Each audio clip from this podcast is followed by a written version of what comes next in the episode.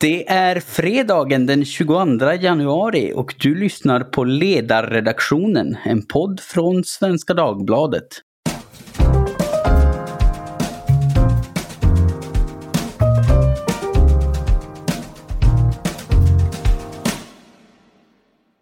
Jag heter Jesper Sandström och i morse blickade jag ut över ett delvis blåklintsblått nyhetsflöde. Det är mycket tal om Liberalerna, det forna Folkpartiet som kämpar för sin fortsatta tillvaro inom riksdagens väggar.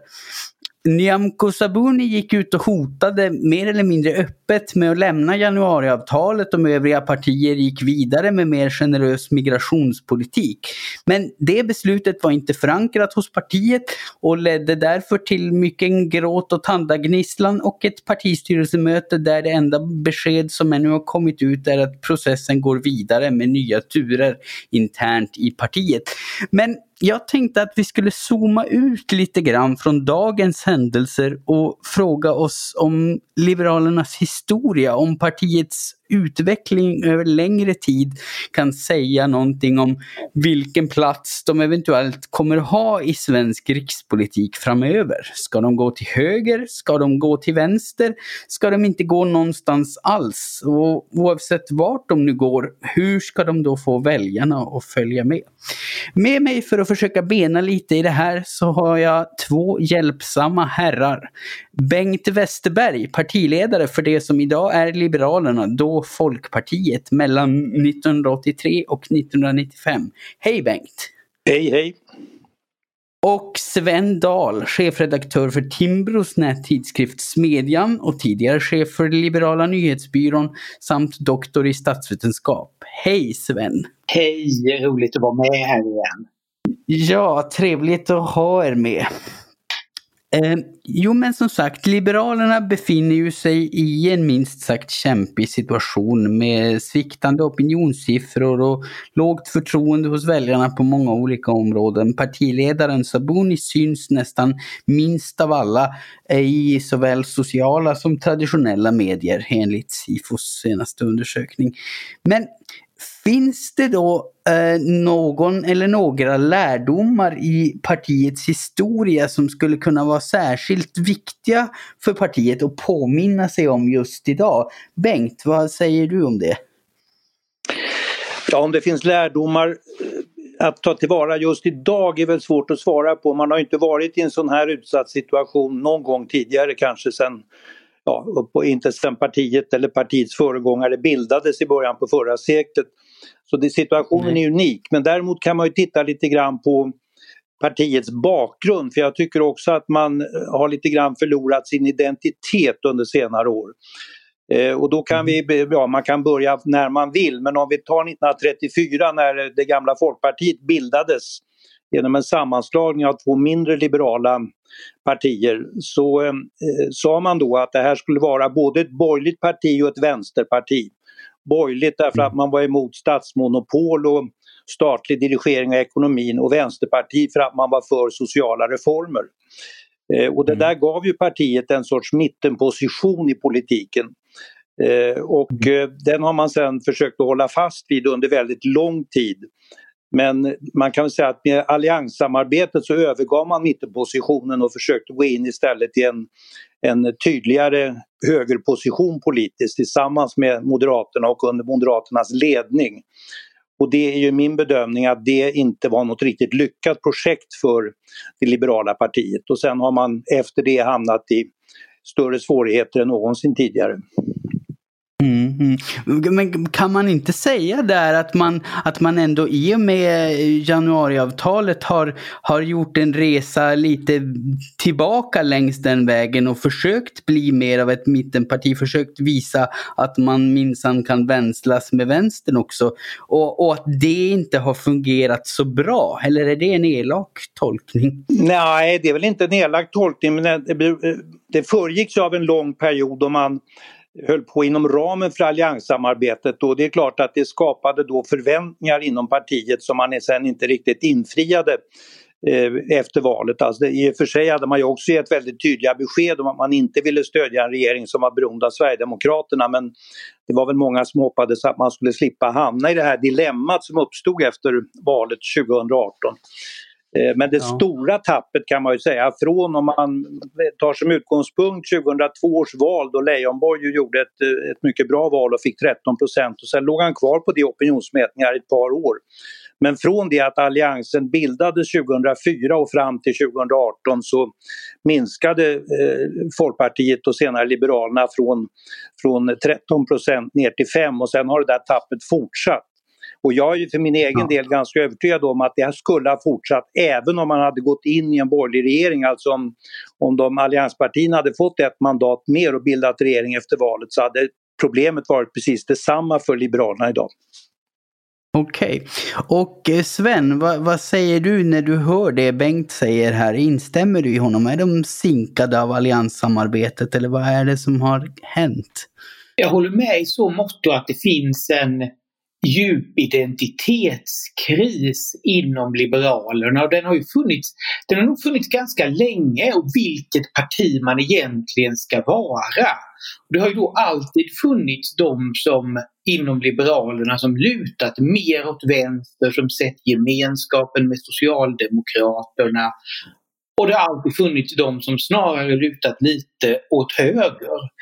Och vad vi ser idag är ju att den här konflikten ja, den har blommat ut för fullt och håller egentligen på att eh, göra slut på det här partiet. Men sen finns det väl en sak som i Liberalernas historia. Det är så intressant att prata om Liberalernas historia för det finns inget parti som älskar att prata så mycket om sin historia som Liberalerna. Men ändå är den här aspekten ofta bortglömd. Nämligen väljarna. Och att att Liberalerna och Folkpartiet under väldigt lång tid har delat väljarkår med Moderaterna. Det var en väldigt klok person som för några år sedan sa till mig så här att svensk borgerlighet, brett definierat förstås som de som erbjuder ett regeringsalternativ till Socialdemokraterna, har alltid burits av två partier. Moderaterna och Folkpartiet. Och det ligger nog väldigt mycket i det.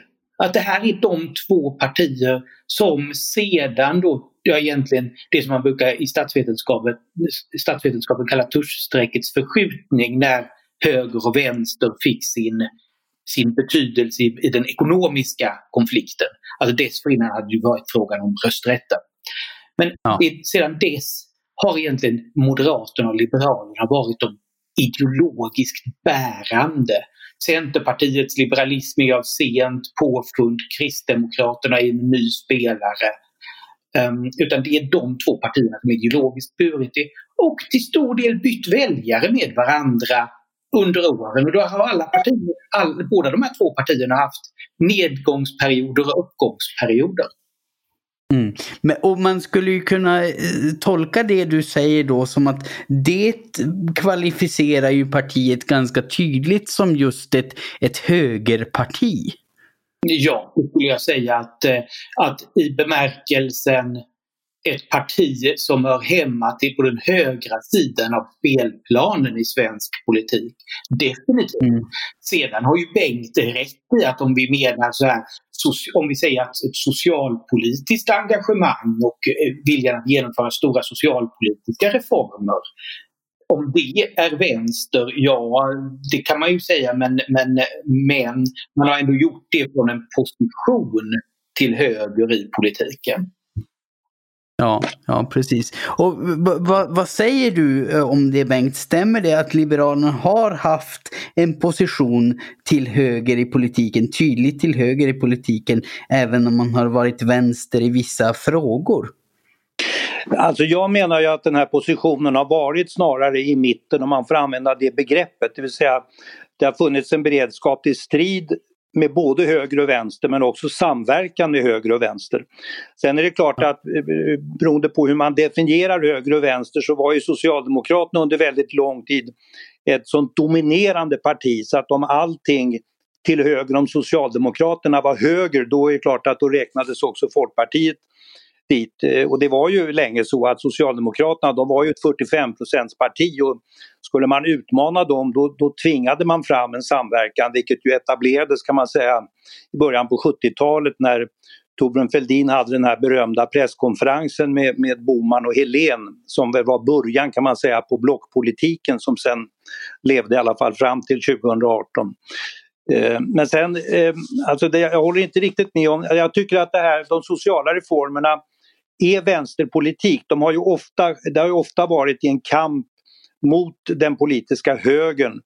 Även på, efter att eh, högern bytte namn till Moderaterna så har det ofta varit starka motsättningar när det gäller sociala reformer.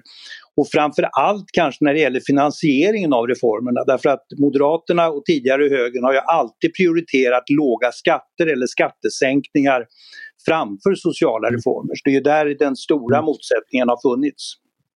Ja, eh, precis. Och, eh, men eh, alltså om, om man då ser de sociala eh, reformerna som vänster men ändå kan observera att det har funnits just ett, ett eh, stort väljarutbyte mellan eh, M och L. Kan man inte då säga att det bland, bland partiets väljare så finns det en stark högerlutning. Alltså även om eh, partiet på, på ledningsnivå har varit mer intresserade än säg Moderaterna av socialpolitik och sociala reformer så finns det ändå en vilja bland väljarna till någonting liberalt i bemärkelsen, alltså minska statens omfattning och inflytande och, och som en del i det sänka skatter.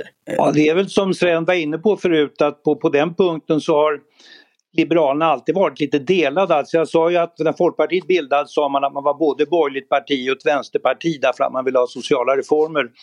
Och det är klart att mm. det fanns väl de som la större vikt vid det här med borgerligheten, det vill säga att man var för marknadsekonomi och mot statliga regleringar och andra som la större vikt vid sociala reformer.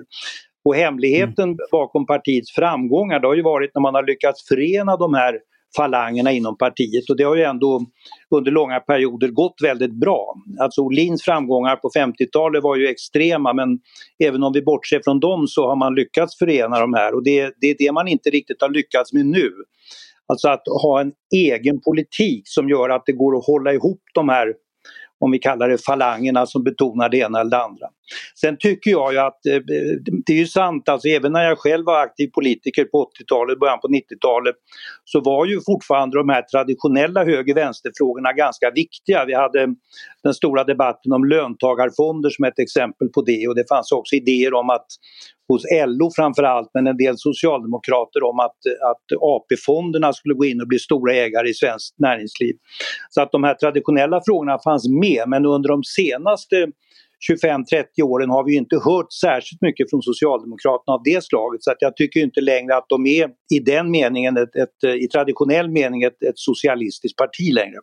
Jag tänker att här finns det någonting som också pekar lite på det här dilemmat som, som Liberalerna hamnat i. Jag, jag, tänker ibland tillbaka på den här, den här klassiska val, valaffischen som ändå väldigt fint sammanfattar så här vad Liberalerna eller Folkpartiet var för ett parti. Nämligen det här med både, med både företag och dagis. En, en position som verkligen var, ja, men jag tycker fortfarande det är en fin sammanfattning av det socialliberala budskapet. Problemet är ju att det budskapet inte längre är särskilt unikt för Liberalerna. Även Moderaterna idag är ju ett mycket mer socialpolitiskt intresserat parti. Och därmed har, kan man säga att, att att den skiljelinjen mellan Liberalerna och Moderaterna har lite tunnats ut. Sen ska man väl komma ihåg en annan sak, att det är just det, de här sakerna som också getts dynamiken i relationen mellan Liberalerna och Moderaterna historiskt. Att, att ja, för många borgerligt sinnade väljare har valet stått mellan de här två partierna. Och så har det lite mellan valen varierat på vilka frågor man prioriterat. Det har alltid funnits en stor grupp väljare historiskt sett som varit mer intresserade av socialpolitik eh, än vad Moderaterna historiskt sett varit och då har man röstat på Liberalerna. Och, och, mm. och, vice, och vice versa. Liberala väljare som varit mer intresserade av kanske sänkta skatter som ibland då röstat på Moderaterna. Och idag är skillnaden mellan de här två partierna inte särskilt stor. Och då är det frågan så här, vad är Liberalernas nisch i det borgerliga samarbetet idag? Den frågan tycker jag är så här, om man ska peka, peka framåt men ändå utgår från historien så tror jag den, den är, är, är ganska intressant. Jag delar ju Svens uppfattning att det är en väldigt avgörande fråga. Nu tycker jag dock att de här jag menar, det är klart att det finns likheter. Det finns också mellan Liberalerna och Socialdemokraterna och mellan Moderaterna och Socialdemokraterna finns det ju en samsyn i många frågor. Det är inte så att man är, ligger långt ifrån varandra i alla avseenden utan det finns ju ofta en samsyn mellan partierna. Och jag tycker att mm. i sak är det ju lika rimligt att Liberalerna samarbetar med Socialdemokraterna som med Moderaterna. Och det finns också en ganska god saklig grund för samarbete mellan Moderaterna och Socialdemokraterna i väldigt många frågor. Så det, det håller jag med om. Men sen, jag, jag delar också uppfattningen att Liberalernas utmaning idag det är ju faktiskt att fundera på, nu, nu förs hela debatten som om det avgjordes av om man håller på Löfven eller Kristersson. Men det kan inte vara grunden för ett partis existens som gör att väljarna strömmar till. Utan det måste ju vara att man har en politik som några tycker är tillräckligt värdefull för att vilja få med i svensk politik. Och det är där tycker jag, som man för, för dagen har misslyckats. Man lyckas inte lyfta fram att man har någon egen politik som, som behövs. Och därför har man hamnat i krislägen. Men vad, vad, ska partiet göra idag då? Vad behöver partiet göra för att höja eh, sitt förtroende hos väljarkåren? Om du börjar Sven. Det finns väl en, både, det finns en kortsiktig och en långsiktig aspekt på detta. Vi kommer inte ifrån den kortsiktiga aspekten att om man, om man tittar på mätningarna så är Liberalernas väljare fortfarande högerlutande. De flesta vill se en, se en, en moderat statsminister.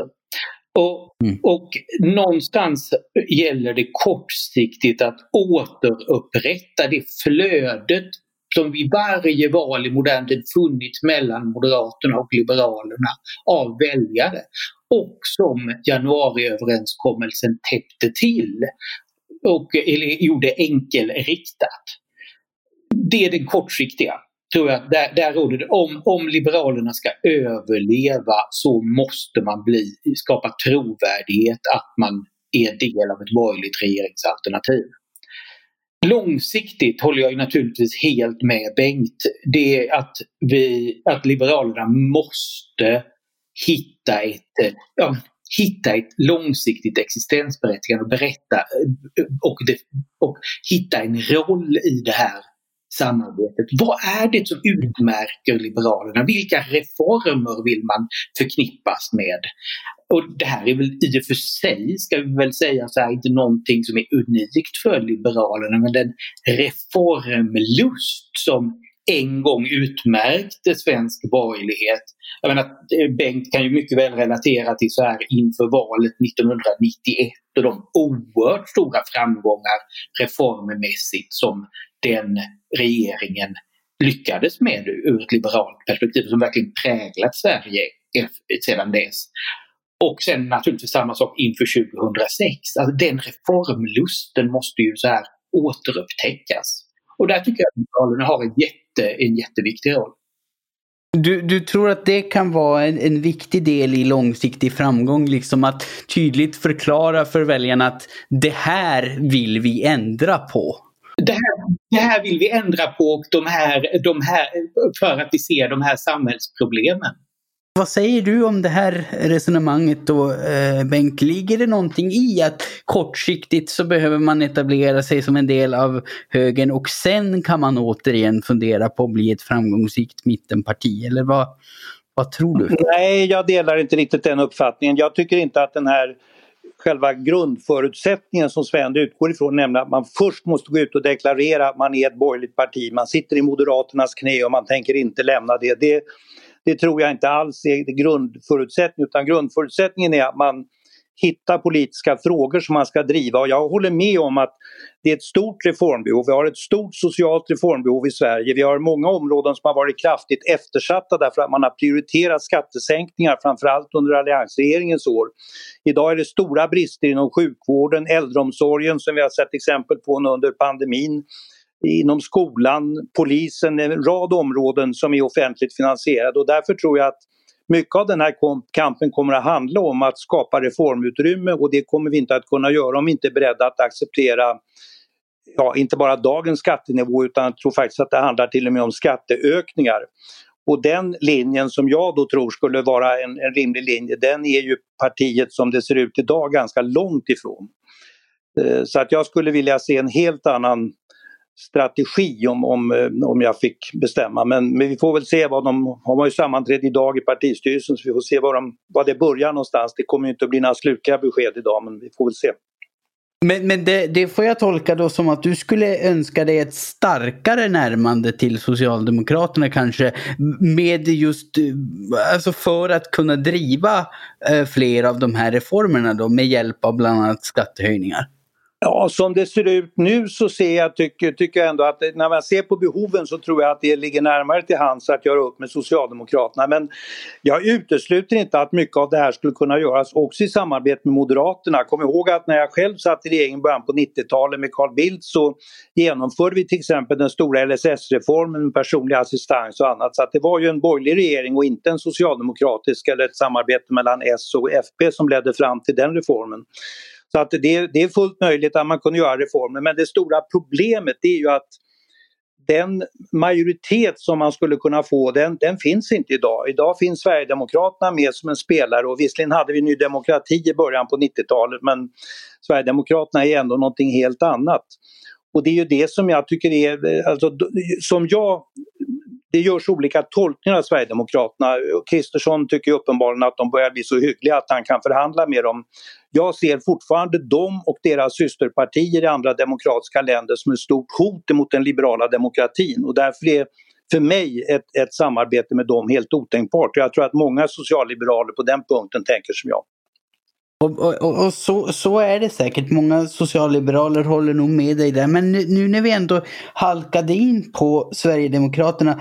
Tror du att det finns en risk att den, att den stora möda som ändå har lagts på att just förhålla sig till Sverigedemokraterna och markera avstånd från Sverigedemokraterna, att den har kommit i vägen för det här behovet av att konkret presentera vad man vill göra och uppnå och med vem man i så fall skulle behöva göra det.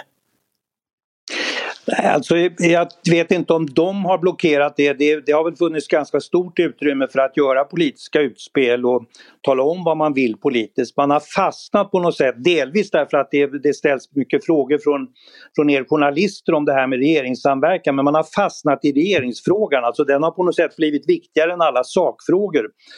Och, det, och det, det, är en utmaning alltid för ett mittenparti att man får kritik från höger och vänster och eh, många köper det här. Du började själv hela det här programmet med att säga att man skulle välja mellan höger och vänster. Och det är den linjen man inte får acceptera och det är en, det är en tuff uppgift att kunna klara av att slippa göra valet mellan höger och vänster. Men man har hamnat i mm. den, i den klämman på något sätt och det tycker jag är ett, ett problem och det har tagit fokus ifrån sakpolitiken. Jag tror att det här pekar på lite ett dilemma, nämligen det här med den diskrepans som funnits och som fortfarande finns i så här, den liberala självbilden. Att, man har, att det finns en väldigt stark självbild av att vara ett parti som kan göra upp till åt både höger och vänster medan de flesta väljarna som röstar på Liberalerna har gjort det för att man vill ha en borgerlig regering och man vill ha vissa bra policyförslag som Liberalerna har kunnat leverera in i borgerliga regeringar. Och att Liberalerna kanske inte riktigt på ledningsnivå någon gång fullt ut accepterat att man har de väljarna man har. Man önskar att man hade lite andra väljare och kanske en lite friare roll. Som, ja men tänk, tänk er C.G. Ekmans vågmästarregeringar på 20-talet, att det idealet har varit väldigt starkt inom Liberalerna och jag kan förstå det utifrån ett rent policyperspektiv. Men frågan är hur attraktivt ett sådant parti är för väljarna. Ingenting är så här när vi mäter det här, för jag, vi har tittat lite på det i några olika sammanhang, tyder på att ett sådant vågmästarparti skulle vara särskilt attraktivt för väljarna utan väljarna, de liberala väljarna vill framförallt se, ha ett tydligt besked om, om vilken regering man får. Sen, sen, sen kan man väl säga så här att det finns ett problem här också som är det strategiska problemet gentemot Centerpartiet som kanske mycket tydligare har lyckats ta den här historiska den historiska positionen som Liberalerna haft som vågmästare. Det, men det är, ett lite, det, det är också det är ett annat problem, alltså profileringen gentemot Centerpartiet som Liberalerna måste, för, måste ja, förhålla sig till.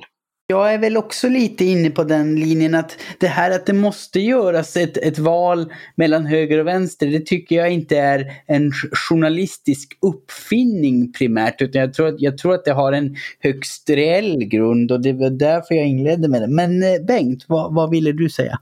Ja, alltså bakom det ligger ju den här tanken att det bara finns två alternativ. Att människor i samhället skulle vara indelade i två stammar på något sätt som inte har något beröring alls utan man är höger eller vänster och den som inte är det är det nästan något fel på.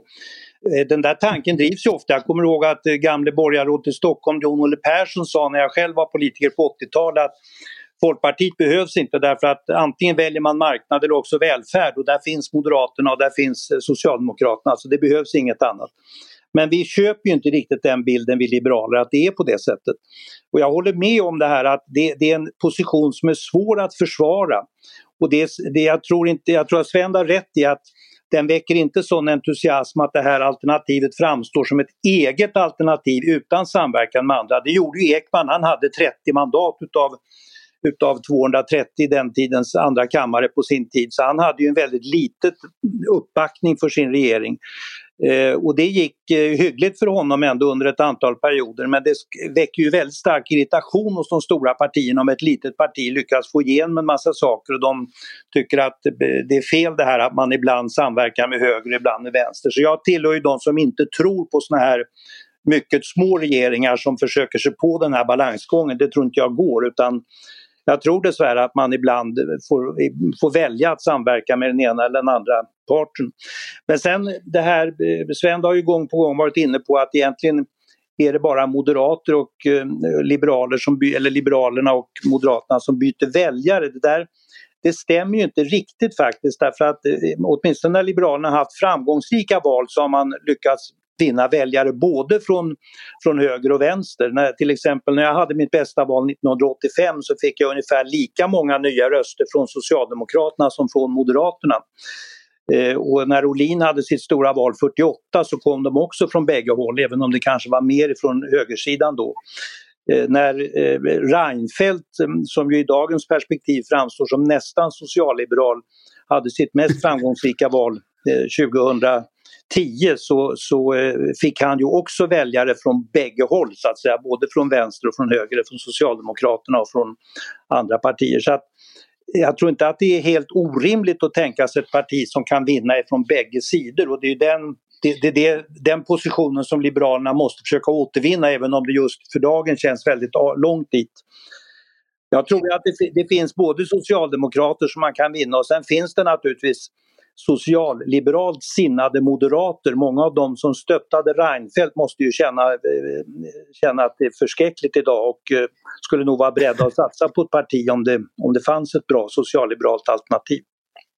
Ja, men alltså man kan väl också säga det att en, gång i tiden så kanske eh, valet var så tydligt så som det framställdes för dig. Det var antingen marknad eller välfärd. Man, man fick gå antingen då till Socialdemokraterna eller Moderaterna. Men man får väl ändå i någon mån säga att en hel del av de nya Moderaternas idéer lever kvar och att, att Moderaterna också idag trycker väldigt starkt på att nej men vi ska ha en stor och omfattande välfärdsstat och Ja, och Socialdemokraterna på samma sätt accepterar marknaden sedan 89 ungefär.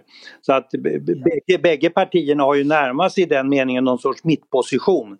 Men det är ju ingen tvekan om att Moderaterna prioriterar skattesänkningar framför välfärd. Det är ju, får man ändå säga, ett resultat av alliansregeringens åtta år, att det var skattesänkningar som var huvudsaken.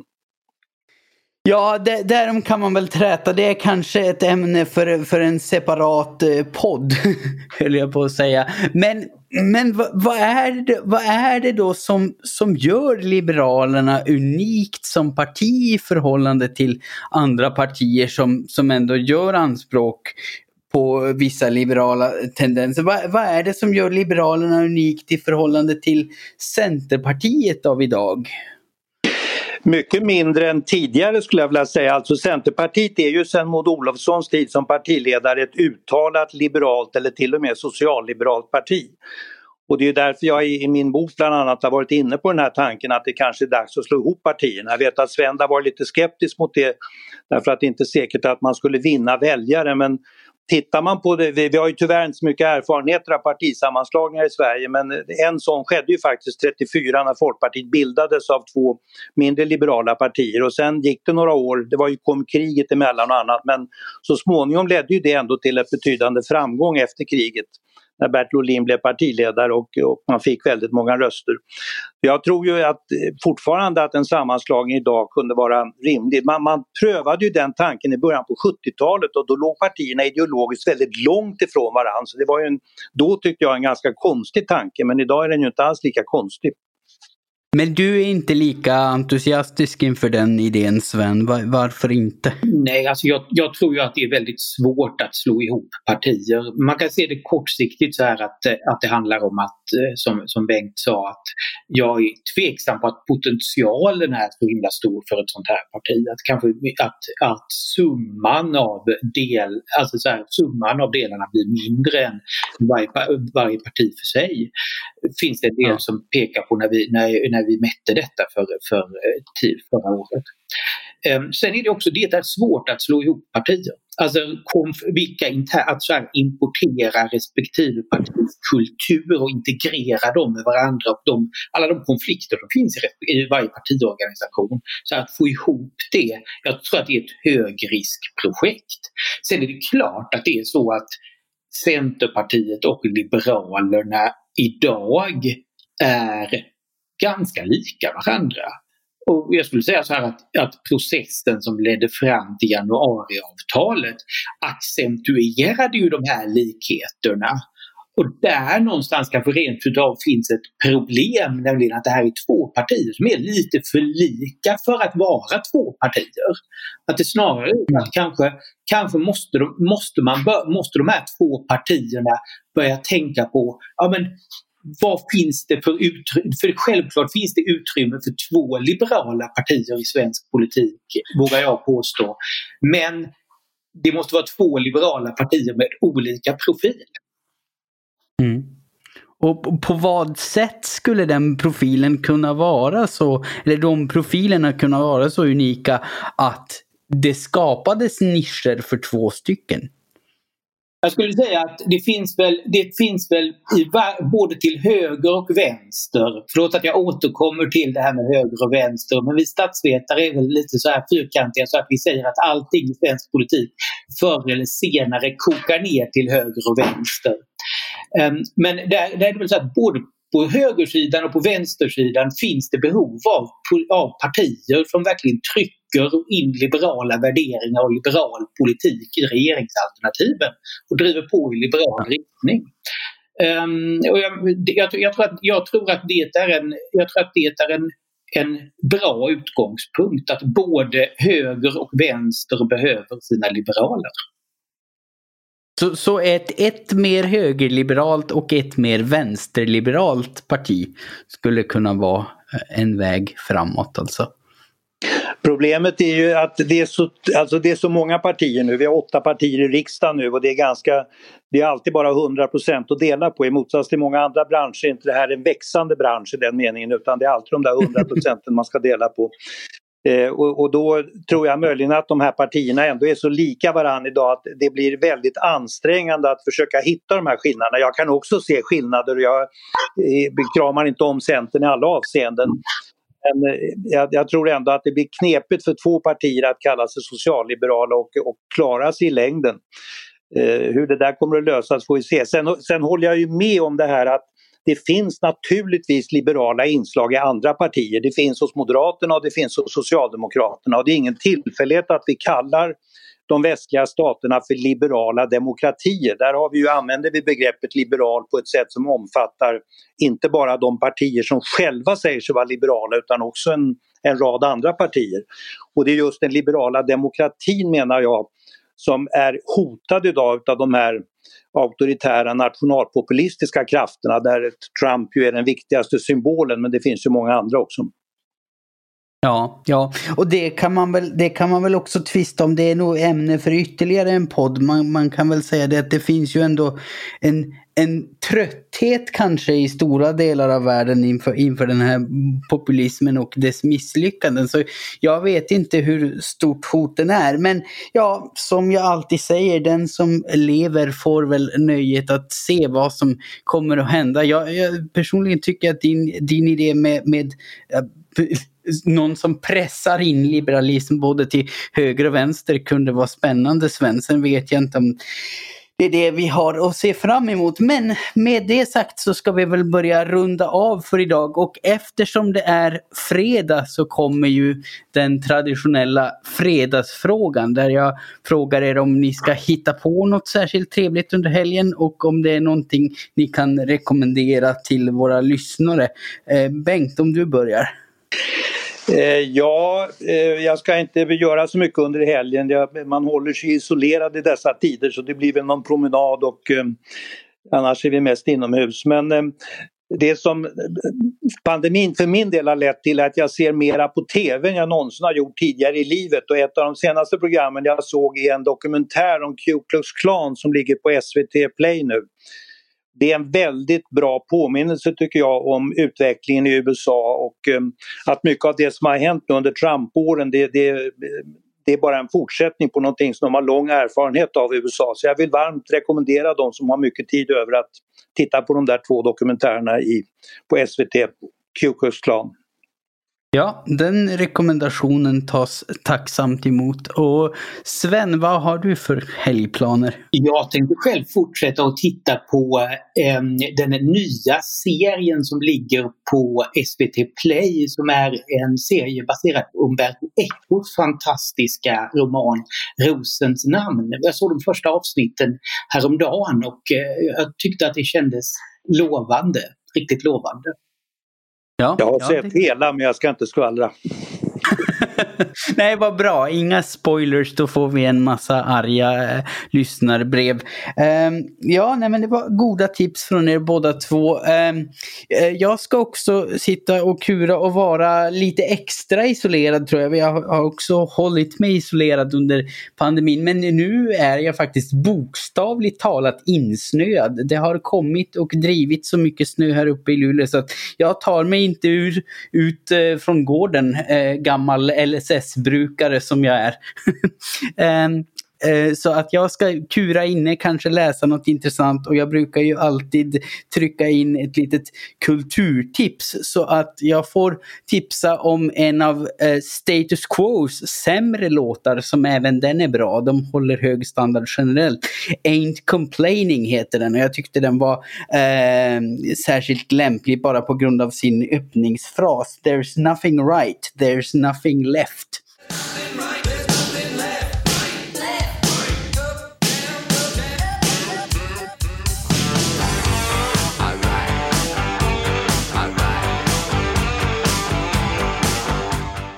Det är precis det det handlar om. ja, jag, jag, tänkte att du skulle vara, jag tänkte att du skulle vara nöjd med den. Ja. Men med det så får jag säga stort tack till Bengt Westerberg och Sven Dahl. Och eh, ni som har synpunkter, beröm eller något upprört ni vill få ur er, ni får i vanlig ordning gärna höra av er till ledarsidan svd.se. Och sen ska jag tjata som jag brukar göra, gå jättegärna in på Apple Podcasts och recensera oss så att fler kan hitta till podden. Ta hand om er och tack så mycket för den här veckan. Hej då!